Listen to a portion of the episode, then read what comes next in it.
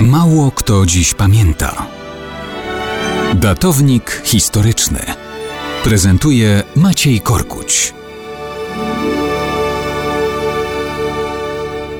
Mało kto dziś pamięta, że 3 grudnia 1368 roku przyszedł na świat pierworodny syn króla Francji Karola V Mądrego i Joanny de Bourbon, późniejszy Karol VI o przydomku ukochany, wypieranym przez inny przydomek szalony. Ktoś, kto słuchał wczorajszego datownika, może mieć wrażenie swoistego déjà vu, jak to mawiamy czystą polszczyzną z nadsekwany. Owszem, to prawda. Wczoraj mówiliśmy o Karolu VI Szalonym, ale nie powiedzieliśmy wszystkiego o jego szaleństwie. Problem zaczyna się podczas wyprawy króla na Bretanię w sierpniu 1392 roku. Najpierw podbiega do władcy jakiś człowiek znikąd i ostrzega przed grożącym mu zamachem i zdradą. Śmiałka unieszkodliwiono, ale król popada w dziwną melancholię. W koszmarnym upale na skraju lasu pod Le Mans zamyślony nagle zostaje przestraszony jakimś głośnym, metalicznym dźwiękiem.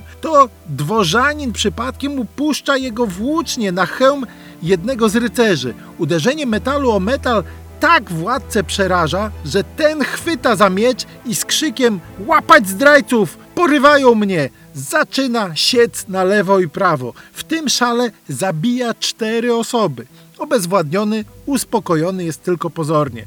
Popada w chorobę umysłową. Odzyskuje czasem władzę umysłu, ale zaraz potem znowu popada w inny świat. Nie poznaje ludzi, nie wie gdzie jest. Za to jest absolutnie przekonany, że jest cały ze szkła. Nie wolno go dotykać, bo jak go ktoś dotknie, to się rozsypie jak stłuczony kryształ. Od tej pory podróżuje tylko w poduszkach. Nie pozwala się myć i sam się nie myje, nie goli się ani nie strzyże. Jego ubrania cuchną, lęgnie się w nich mnóstwo robactwa. Dwór potajemnie tylko wymienia czasem jego koszulę, ale nie zawsze to jest możliwe. Brudny władca pokrywa się wrzodami ropiejącymi ranami, ale rządzi w takim stanie aż do śmierci jeszcze przez 30 następnych lat. Czasem bywał przytomny, ale i wtedy decyzje podejmował zaskakujące. Zresztą, kto wie, a może naprawdę był ze szkła?